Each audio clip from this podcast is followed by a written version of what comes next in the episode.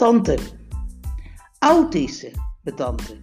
87 lange levensjaren hebben haar van een vlotte, hardwerkende vrouw veranderd in een onzeker, zich moeizaam bewegend wezentje. Met nog maar heel af en toe een sprankje van der oude ik, dat glimmend in haar bijna blinde ogen lacht. Iedere dag gaan we even naar haar toe, mijn zus en ik. Nee, echt, het is geen moeite. Tien minuutjes, een kwartiertje, ligt er maar aan wat we aan tijd te missen hebben die dag. We luisteren naar wat ze te zeggen heeft, winden haar wekkertje op, zetten het gelijk, scheuren een blaadje van de kalender en lezen de tekst aan haar voor. Sprenkelen met gulle hand oude klonje op een schone zakdoek en zeggen er tot morgen. Bejaard is ze en ze zit veilig en verzorgd in het bejaardenhuis. Ze heeft het een paar jaar geleden allemaal zelf geregeld. Heeft zich op de wachtlijst laten zetten, heeft de formulieren ondertekend en heeft, toen het bericht kwam dat er een kamer in het tehuis vrij was, de hele familie opgetrommeld om te helpen met inpakken en verhuizen. Zocht nieuwe meubels en vloerbedekking uit voor het nieuwe onderkomen en pas toen alles klaar was, drong het tot haar door waar ze aan begonnen was. De hele expeditie werd afgeblazen.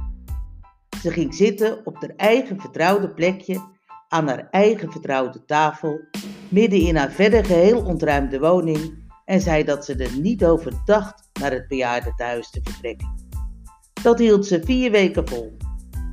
Uiteindelijk was ze dan toch overstag gegaan en kon de verhuizing worden voltooid. Ik ben toch zo blij dat ik het toch maar gedaan heb, zei ze tegen iedereen die het maar wilde horen. Ik ben in het paradijs terechtgekomen. Echt? Het is hier geweldig. Goed verzorgd van eten en drinken. Ik slaap hier als een roos. Het is hier net een luxe hotel. En dan volgde de opsomming met wat er allemaal gebeurd was. Bingo gespeeld, gesjoeld. En dan het eten, het kon niet op. Het een nog lekkerder dan het ander. En de hoeveelheden. Toetjes en koffie met gebak, oranjebitter, kerstollen. Elke dag was het feest. Maar opeens was het er allemaal te veel geworden. Werden de aardige mevrouwen van de koffie rotwijven, de spelletjes stom en kinderachtig en het eten veel te veel. Ze weigerde nog één voet buiten haar kamer te zetten en mat zichzelf een karig dieet aan. Te karig. Ziek werd ze.